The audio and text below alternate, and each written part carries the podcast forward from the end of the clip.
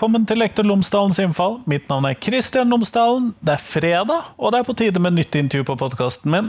Som jeg tidligere har nevnt, dvs. Si noen ganger nå, eh, så har jeg i november rett og slett litt for mange intervjuer liggende. Så jeg har lyst til å kjøre rett og slett doble episoder i hele november. Det betyr at jeg presenterer ett intervju på tirsdag og ett intervju på fredag. Men i hvert fall, dagens intervju eh, på fredag, altså, er med Elisabeth Hesjedal. Hun er førsteamanuensis ved Universitetet i Bergen, hvor hun jobber med spesialpedagogikk. Og det vi skal ta oss og jobbe med, eller snakke om, er rett og slett hvilken, eh, hvordan skal man få til elevmedvirkning i eh, spesialpedagogikken, i spesialundervisning og i tilpasset opplæring. Hvordan skal vi få til det, og hvor viktig er det? Eh, og hvordan kan det gjøres, rett og slett. Så det håper jeg du vil synes er interessant. Her får du intervjuet, vær så god.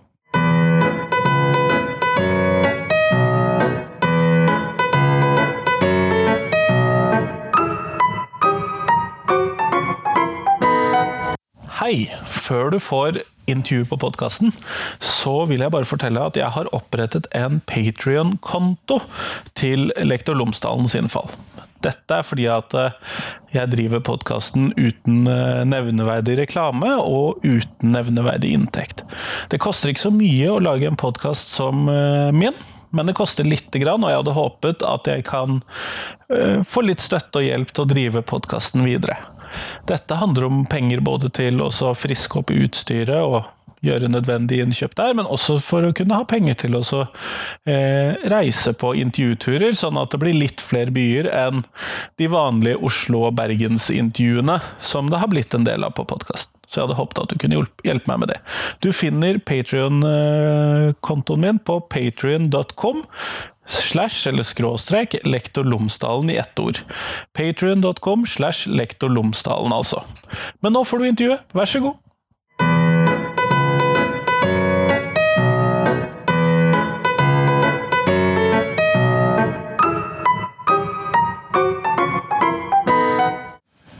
Elisabeth Hesjedal, tusen takk for at jeg har fått lov til å komme og prate med deg i dag. Takk. Likeså. Før vi starter selve intervjuet, kunne du ha fortalt lytterne mine tre ting om deg selv, sånn at de kan bli litt kjent med deg? Ja, jeg er spesialpedagog i bunn. Jeg har jobba mange år i skolesystemet, eh, spesielt innenfor eh, sykehusundervisning tidligere. Og barn som har og langtidsinnlagt i barne- og ungdomspsykiatri, så jeg jobber i skoledelen der. Og så har jeg ja, tok jeg master i, i, eller hovedfag heter det da, i spesialpedagogikk i sin tid. Og så har jeg jo ja, studert og tatt avhandlingen min her på Universitetet i Bergen. Men litt mer om meg sjøl, så kommer jeg jo fra distriktet, Stamnes. Eh, det ligger mellom Bergen og Voss. Eh, en svinger inn til Romarheim. Eh, ja, da vet jeg hvor det er. bygde, og da var det nå et veiras. Så jeg drev og pendla i den perioden. Så det var jo en liten sånn omkjøring via Modalen til Bergen for å komme seg på jobb. Ja, ja. det, det hørtes tungvint ut. Ja. Men det er en veldig flott plass, eh, så jeg er veldig stolt av å komme derifra. Mm. Så jeg har et sånt eh, distriktsfokus med meg i det meste jeg gjør og leser om og uttaler meg om òg, faktisk. Så ja, jeg tror den bakgrunnen har prega meg òg en del. Mm. Kjempeflott. Du, Det vi skal snakke om i dag, og det er elevmedvirkning i spesialpedagogikken. Ja. Eh, og det jeg lurer på i, i hvor, og det, Dette er kanskje det største og mest umulige spørsmålet av de alle. Men når vi, setter, når vi gir elever eh, tilpasset opplæring, eller vi gir dem spesialundervisning, eller Hvor stor eh, Hvor mye skal de selv ha å si til dette eh, opplegget som vi da gir dem? Ja, altså Da må vi jo gjerne se litt på gå litt tilbake, for vi har jo Barnekonvensjonen eh, der disse rettighetene er nedfelt. Eh, og så nevner du jo både tilpasset opplæring og spesialundervisning. Eh, og hvis jeg skal si litt om det, så tenker jeg at elever som får ordinær undervisning, har jo kanskje tilrettelagt litt mer muligheter for å kunne medvirke enn elever som får spesialundervisning. Og med det så tenker jeg på at de har jo dette her med klassens time, bl.a., blant annet, som de kan ha elevdemokrati i og komme med uttalelser om hvordan de opplever undervisning. De kan òg i enkeltsituasjoner være med på å vurdere sin egen læring osv. Så, videre. Så eh, dette her med medvirkning er jo nedfelt i opplæringsloven. Eh, men når det gjelder elever som får spesialundervisning, så er det snakk om ei stor og mangfoldig gruppe. Eh, et eksempel kan kanskje være at det kan snakk, være snakk om en elev som har rett til to timer spesialundervisning, eller et par timer spesialundervisning i uka i norsk. Men ikke noe mer enn det? Det er liksom og det det dreier seg om? Da har du den ene biten. Ja. Og så kan du ha en multifunksjonshemmet elev som skal ha, ha rett til spesialundervisning eh, hele skoledagen sin. Eh, sånn at hvem er det vi egentlig snakker om? Og når vi ser på medvirkning innenfor det spesialpedagogiske feltet, er det som spesielt har opptatt meg. For her er det et stort mangfold av elever med ulike behov, og så har de samme retten til å medvirke medvirke eh, og uttaler seg om alle sider som berører de, faktisk. Og da ligger vi litt bakpå i norsk sammenheng, eh, forskningsmessig, på hva er det eh, vi kan Hvordan kan vi tenke medvirkning for den elevgruppa? Men nå beveger jeg meg litt på sida ifra det som var ditt eh, spørsmål eh, i utgangspunktet. For det handler Det er det jeg har vært spesielt opptatt av. Eh, eh disse altså elever som har rett til spesialundervisning, og deres mulighet til medvirkning, og ikke minst foreldrene sin opplevelse med medvirkning i samarbeid med skolen. Ehm, så her har vi egentlig eh, et stort område å rydde forskningsmessig sett. Eh, og det er forholdsvis Nå er det jo Altså det er jo mye som har blitt skrevet om medvirkning internasjonalt og nasjonalt de siste 20 årene. Eh, og jeg har sett nå, kanskje fordi at jeg er blitt eh, Altså at jeg har hatt det fokuset og den interessen sjøl, så ser jeg jo at i alle fall etter sånn 2005 så er det begynt å komme en del norsk forskning på det. Både innenfor barnehagefeltet, som har sett på spesialpedagogisk hjelp, og òg eh, spesielt innenfor skolefeltet. Men da er det mer knytta til elevmedvirkning i, i den eh, mer knytta opp mot eh, ja, klassefellesskap. Eh, alle elever sin rett til medvirkning, og ikke nødvendigvis et spesielt fokus på elever som har rett til spesialundervisning, og deres muligheter for medvirke. Så eh, vi, har, vi må rydde egentlig i, i, i det området for å og bli flinkere til å finne ut hvordan kan vi legge til rette for at alle elever får den rettigheten til å medvirke. Eh, for der har jo elever ulike utgangspunkt og ulike behov, men det er vår oppgave å se på hvordan er det vi faktisk kan tenke om det. Og så tenker jeg òg at den kompetansen som lærere eh, skal ha, eller spesialpedagoger, den òg Altså kompetansen og kunnskapen om det, de som jobber i utdanningssystemene, om det er PPT, om det er Statped, om det er habilitering, eh, så tenker jeg at eh, hvordan er det Hva er egentlig medvirkning? Handler det Vi har jo Eh, altså Teori om dette kom jo på slutten av 60-tallet. Eh, og den ble eh, utvikla eh, med bakgrunn eh, i Arnstein, Sherry Arnstein sin tenkning, eh, som eh, aktualiserte dette temaet fordi hun var opptatt av at borgerne skulle ha medbestemmelsesrett i samfunnet. enkelt forklart. og så har jo utviklingen gått. hun hadde ulike sånne ja, deltakelsesstige, der hun så liksom på når er det du egentlig får delta i ulike trinn. Alt fra ikke-deltaking og manipulering til uh, høy, full del deltaking. Og så har jo forskjellige forskere og teoretikere, spesielt internasjonalt, sett på dette her. Og så har de kritisert litt på at dette her med deltaking eh, kan ikke nødvendigvis kategoriseres i trinn, men en må tenke det som en prosess. Og når vi tenker på barn, så må de få erfaring med å delta.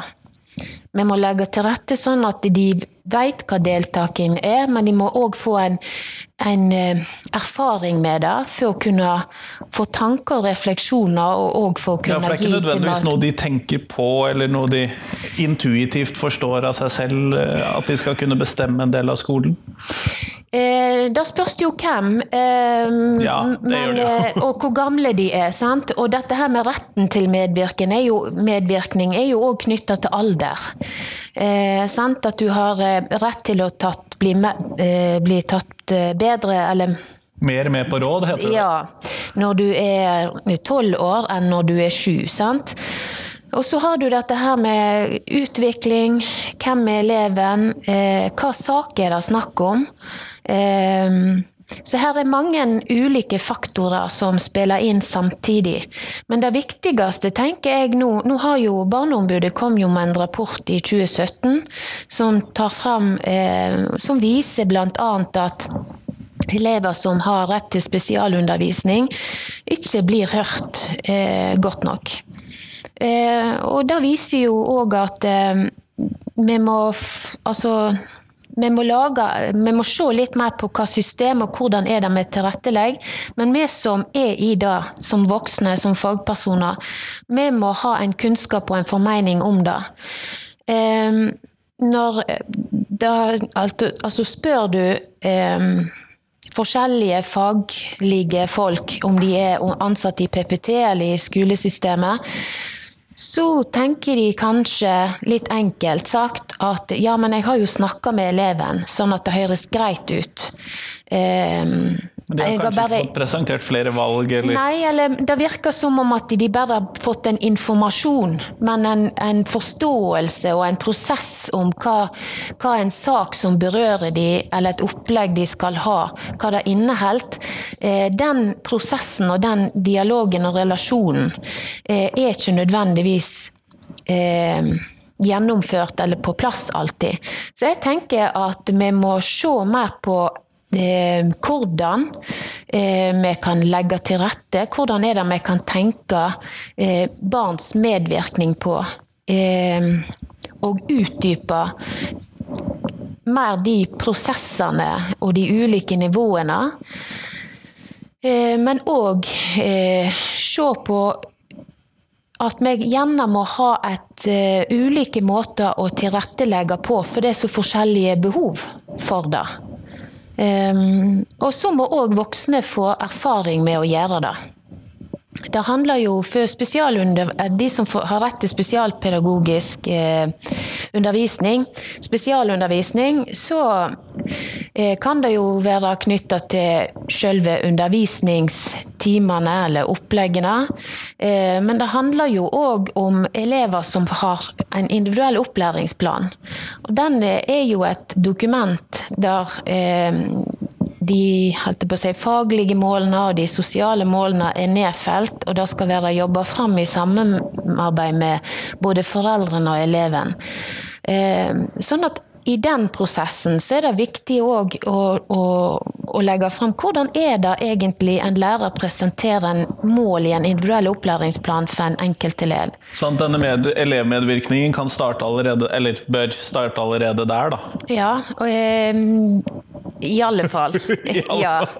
Om ikke før. Ja, og før da så har du jo kontakt Altså før du får tildelt retten til spesialundervisning, så har du jo en, en tiltakskjede en, eh, som gjør at PPT eh, må gjøre en sakkyndig vurdering om du har rett til spesialundervisning, og så skal skolen gjøre enkeltvedtaket. Så i den prosessen med at skolen melder opp eh, såkalt bekymring for en elev, eller spørsmål om elev har rett til spesialundervisning, og at PPT skal gå inn og vurdere og gjøre en sakkyndig vurdering, så er det jo òg eh, eh, momenter som barnet faktisk har rett til å medvirke i. Så hele den kjeden i hjelpesystemet vårt i, innenfor det spesialpedagogiske eh, systemet vårt, da eh, bør vi se mer nøye på, tenker jeg. Alle disse ulike fasene som er knytta opp mot utløsning og vurdering, eh, og retten til og tilrettelegging av spesialundervisning. Og eh, med bakgrunn i elevene sine ulike behov. Kan, og dette er kanskje det mest grunnleggende spørsmålet for meg som enkeltlærer, men kan elevene nekte eh, å få da en IOP, eller nekte å få spesialundervisning? Ja, det har de rett til. Selv om vi anser det som pedagogisk eh, uforsvarlig opplæring, det de da sitter igjen med? Ja, men de har rett til å, til å si nei. Og de har òg rett til å ikke møte opp hos PPT. Ja, men da er det jo vi inne på en annen diskusjon om, om eh, ja, eh, rettigheter og eh, opplæring. Retten til opplæring og tilfredsstillende utbytte. Så da blir det litt sånn en annen ja, nettopp. i, i tillegg. Men, men, så, eh, men fordi det er jo et greit utgangspunkt for meg som lærer å vite at de faktisk kan nekte den biten. Ja. For det er jo greit å vite. Ja, det har de rett til. Mm. Men når de da, hvis de, når de da har de har kommet seg gjennom dette løpet hos PPT, og de har fått IOP-en, og de har laget disse planene for dem og funnet ut hvordan de skal eh, hvordan vi skal tilrettelegge for den aktuelle eleven. Mm. Eh, hvordan tenker du at vi som skole da bør fortsette med elevmedvirkning? For jeg regner jo ikke med at dette er noe som stopper.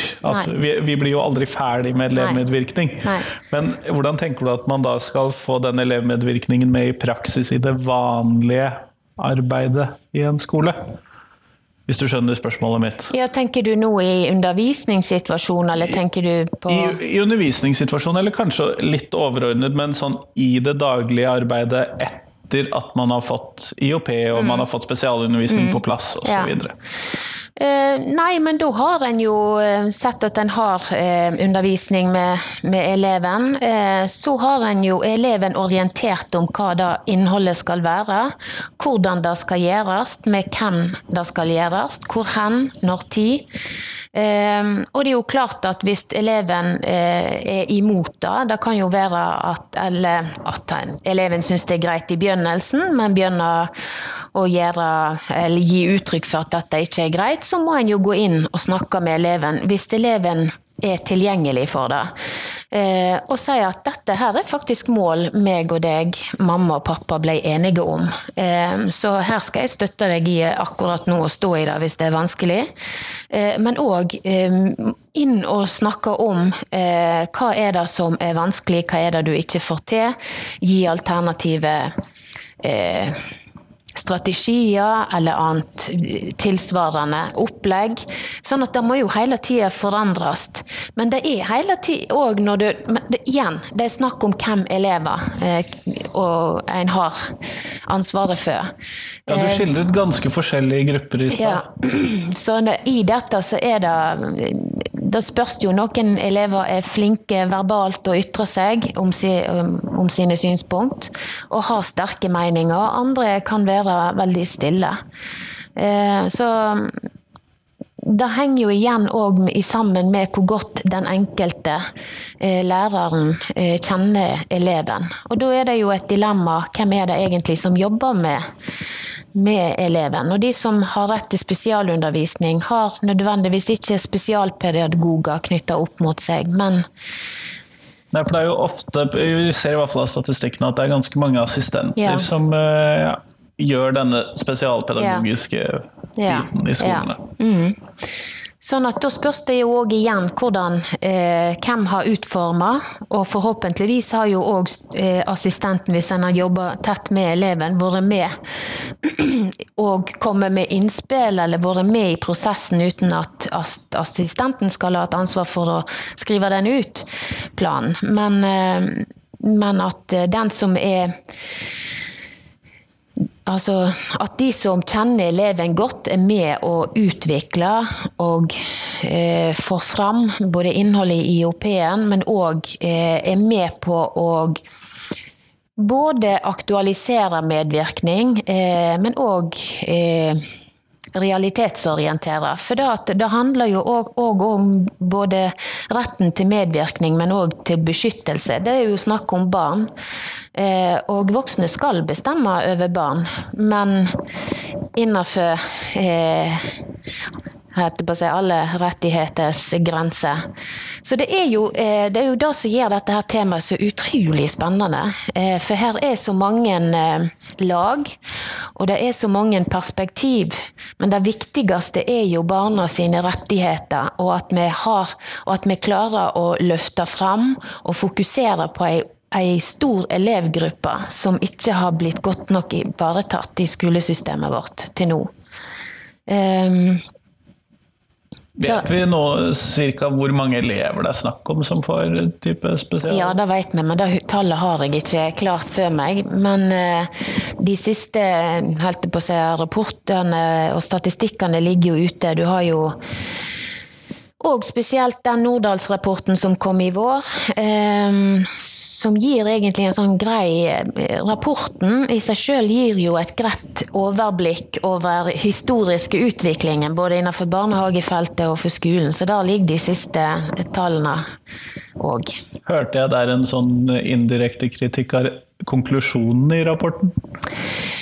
Eh, den var jo både òg, den rapporten. Um, så, og det, det, er jo litt kanskje på sida av dette, men kanskje ikke. Um, for det handler jo om retten til å, å få en spesialundervisning, uh, og spørsmålet om hva den skal inneholde, og hvem sin, hva kompetanse uh, skal den ha. Uh, den som underviser, eleven som har rett til spesialundervisning osv. Og så har du jo òg dette med ikke minst da fokus på at vi, vi har jo ja, Kanskje det var et sånt eh, sentralisert fokus òg i den rapporten. Eh, vi har et langstrøkt land, vi har mange distrikt. Det er kort vei fra PPT i Bergen til skolene, ja. eller fra Statped i Bergen ja. til skolene. Men... Ja, men i distriktet så må gjerne én ansatt eh, reise ganske langt på smale veier og ja, eller ja, hvis de bor med kysten, så er det jo en annen reisevei. Men altså, her er jo eh, Det er jo et annet andre forhold som er utenfor de store byene, og det òg må tas i betraktning, tenker jeg. Og det syns jeg ikke kom så godt fram i den rapporten. Nei, flesteparten av elevene bor jo rundt Oslo, og de fleste som lager en del sånne rapporter, bor jo rundt Oslo, det kanskje reflekteres i en del sånne rapporter? Ja, vi har mange andre elever rundt omkring i landet òg, da. det har vi.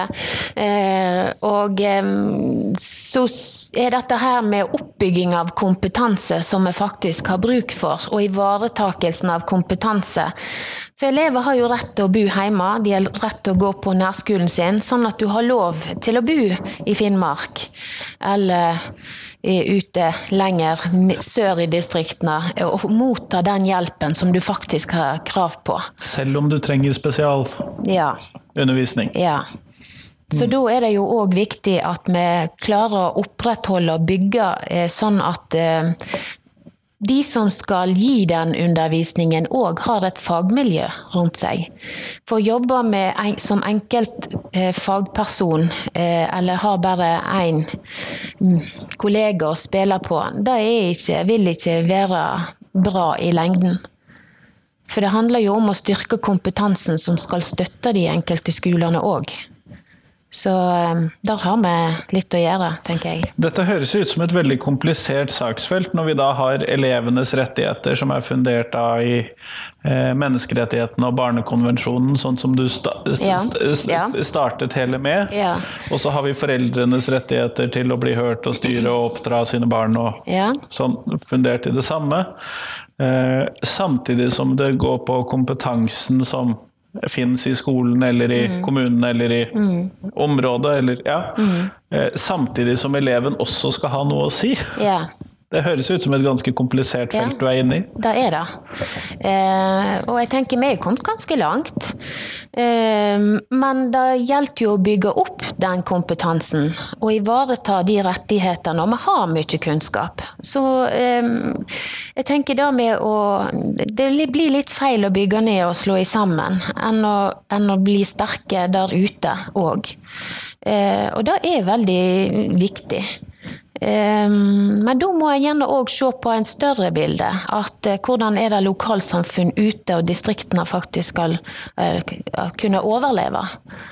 Ehm, de legger jo ned mange skoler, de slår de sammen. Sånn at ehm, det, dette feltet henger nok sammen med andre politiske felt òg, vil jeg tro. Eh, det står ikke alene, men ehm, det, ja, det, er mange faktorer som verker inn her. Mm. Det høres slik ut. Eh, men eh, hvis vi da Fordi at disse elevene som skal ha spesialundervisning i større eller mindre grad, kanskje de som skal ha bare litt spesialundervisning. Mm. De er jo borti veldig mange forskjellige lærere i løpet av en dag, stort sett. Mm. Eh, men har vi som vanlige lærere, i gåseøyne, men vi ikke spesialpedagogene, har vi nok kompetanse om spesialpedagogiske spørsmål? Nei, altså når jeg har vært i forskjellige settinger, eh, så er det jo det som ofte blir nevnt, det at vi ønsker mer om spesialpedagogisk kompetanse og har det mer inn i utdanningen vår. Og det er jo blitt foreslått òg. Og det er jo egentlig en tett sammenheng mellom eh, allmennpedagogikk, eller pedagogikk, og spesialpedagogikk. Så jeg ser ikke helt eh, det store skillet der. Men spesialpedagogikk er jo noe mer utover det. Eh, spesialpedagoger har jo en kompetanse, eller flere kompetanser innenfor ulike områder som kan støtte opp om eh, det allmennpedagogiske. Ehm, men hva var spørsmålet ditt nå? du spør om det er Jeg, jeg lurte på om vi eh, vanlige lærerne som ikke har spesialpedagogikk, kan nok om disse spørsmålene som de skal lære om i spesial... Eller som spesialpedagogene jobber med. Ja, nei, men da igjen, hvem er eleven din? Hva behov har de? Og har du, hvem, hva erfaring har du som lærer? Eh, har du en som eh, har lese-skriveutfordringer, lese-skrivevansker, da kan hende at du eh, har mye kunnskap om det fra før av. Men det kan hende at du ikke har så mye kunnskap hvis du har elever innenfor som har eh, funksjonsnedsettelse som utviklingshemming, eller innenfor autismespekteret. Ehm, det kan være ja, forskjellig der. Så det er jo litt etter hva, hva kompetanse den enkelte lærer har. Ehm, og hva erfaringen har, eh, og hva behov de i elevgruppa de har til enhver tid. For det forandrer seg jo òg. Elevene de begynner og de slutter, og de går gjennom skolesystemet. Så det er jo hele tida i en en bevegelse, dette. Ja, det ja. høres jo sånn ut. Nei, fordi jeg, jeg syns jo det høres uh, uh, elev, Jeg syns jo elevmedvirkning på den generelle plan for alle elevene er et komplisert felt. Mm. Uh, det er mye vi skal tenke på. Ja. men jeg syns jo ikke det blir enklere av at vi da tenker at noen grupper skal ha en litt annen undervisning eller skal ha rett på spesialundervisning, og dermed også skal ha enda litt mer elevmedvirkning der, da.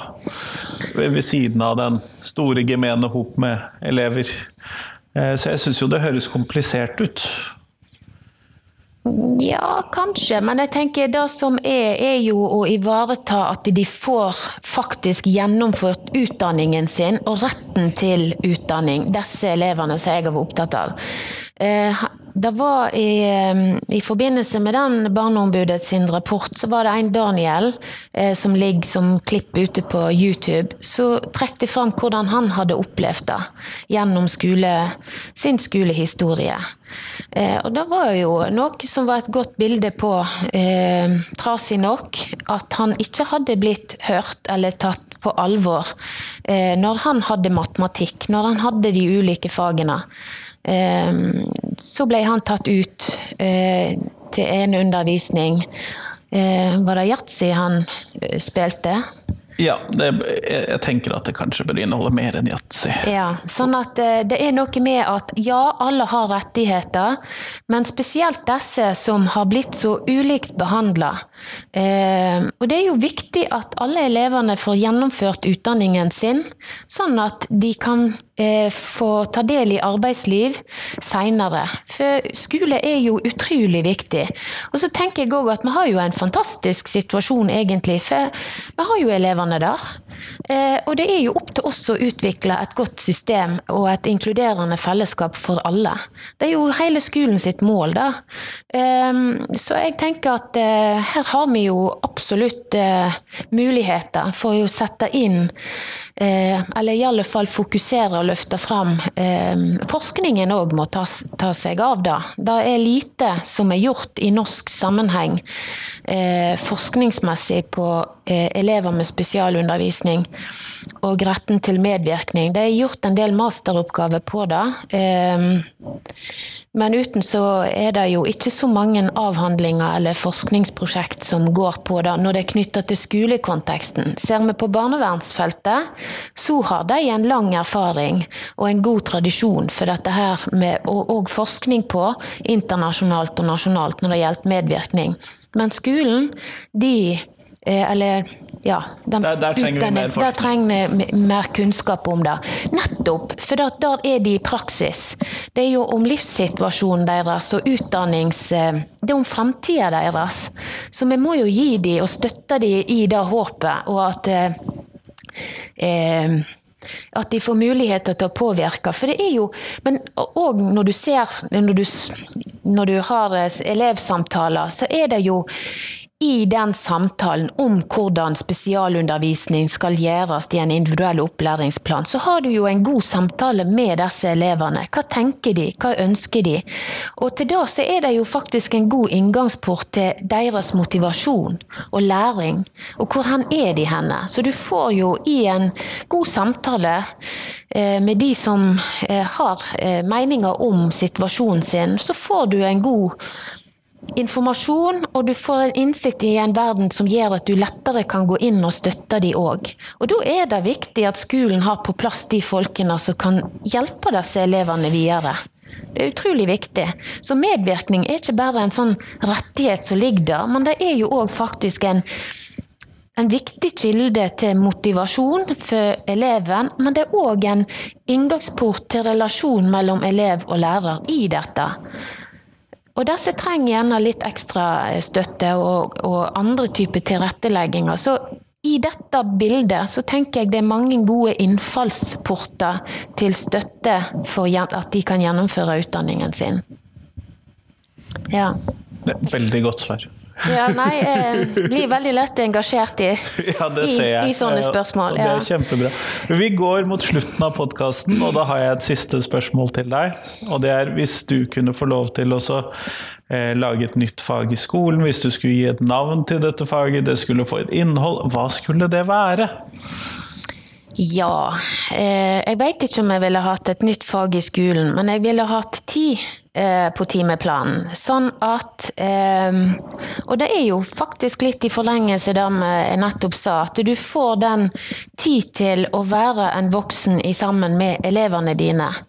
Eh, om det er hele klassen, eller om det er i mindre grupper men at en får tid til å møte elevene og snakke om ting som opptar de, eh, og være en voksen samtalepart mer enn at de skal ha et nytt fag.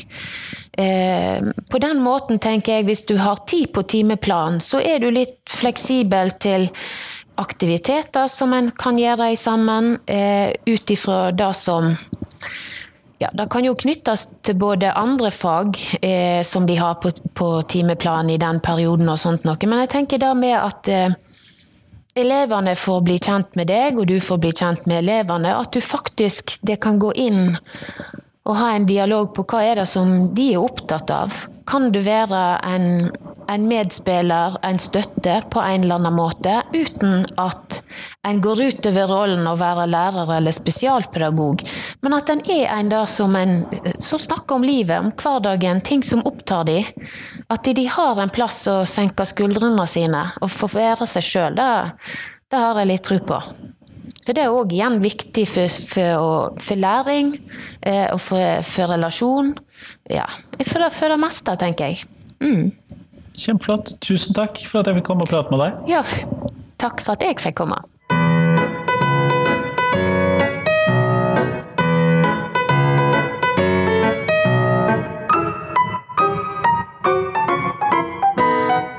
Tusen takk til Elisabeth, og tusen takk til deg som hørte på. Nå er det bare noen dager til neste episode. Det kommer selvfølgelig på tirsdag som vanlig, og det ser jeg fram til. Ellers så er det ikke så mm, mange dagene igjen til jeg skal til Oslo på Z-dagene, og da håper jeg, hvis du hører på dette og skal på Z-dagene du også, at du kommer bort til meg og sier hei. Eh, det blir jeg veldig glad for. Eh, det er alltid gøy å møte mennesker som hører på podkasten min. Så som sagt, stopp meg, si hei. Eh, bli med på en podkastepisode hvis du har tid og har noe som du tenker er bra å få med på podkasten. Jeg har med opptaksutstyret mitt til Z-dagen, i hvert fall. Men nå fram til tirsdag så får du ha en god helg. Hei, hei!